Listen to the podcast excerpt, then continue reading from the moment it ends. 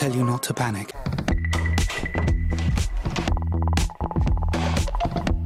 Cristina Bordes. Hola, bon dia. Bon dia. T'he de dir que ni amb l'I Plus he aconseguit eh, espantar-me ni una mica amb The River. No, uh, podríem fer avui una antirecomanació i és que no funciona. Un dels objectius havia de ser inquietar el personal i la veritat és que no ens creiem ni els personatges No. ni aquest um, rodatge de fals documental que hi ha més càmeres que Gran Hermano, vull dir.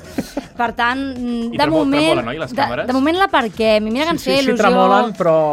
No Tema sé. Amazones i tal, bé, Sí. sí. uh, han anat al més fàcil, es pensaven que mesclant productes ja obtenien, però no, no ens ha agradat, ens ha fet més riure que No, por. ja et dic, eh, que jo vaig intentar parar i veure com era el monstre, aquest que surt I no, ràpid en un no moment a ha- la primera escena, i, i no, no, és com una espècie de fum estrany, una cosa Sí, estranya. eh, tema Lost, dient, vinga, va, que fa temps que no... arbres, és com una calçotada. Sí.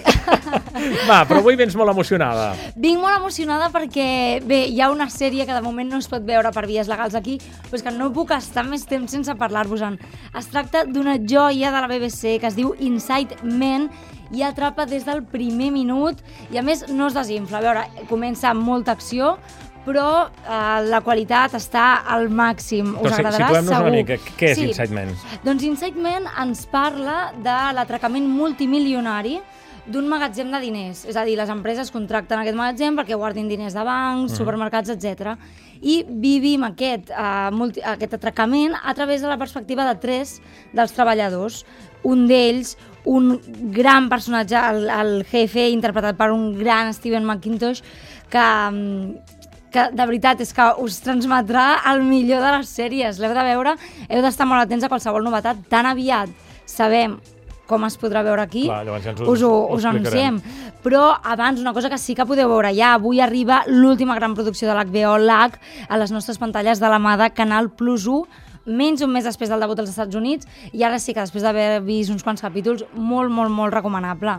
I què més? Perquè tenim una altra novetat que ens arriba des de la En NBC. tenim moltes, però no les podem Ja, dir ja, ja sé, Això sí, la novetat de de la. NBC.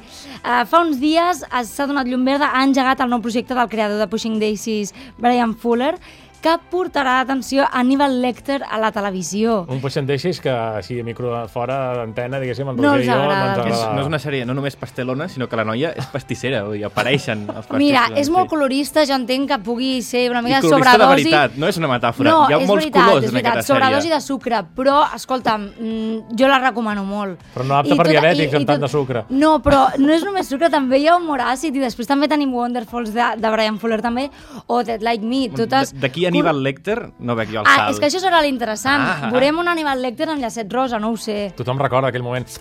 No, Exactament, veurem ara potser qui és, perquè té xocolata que llem pels llavis. Ai, ho no sé, però escolta'm, en tot cas ho explicarem i ho explicarà la Cristina Bordes. Gràcies, Cristina. Bon Adéu. dia.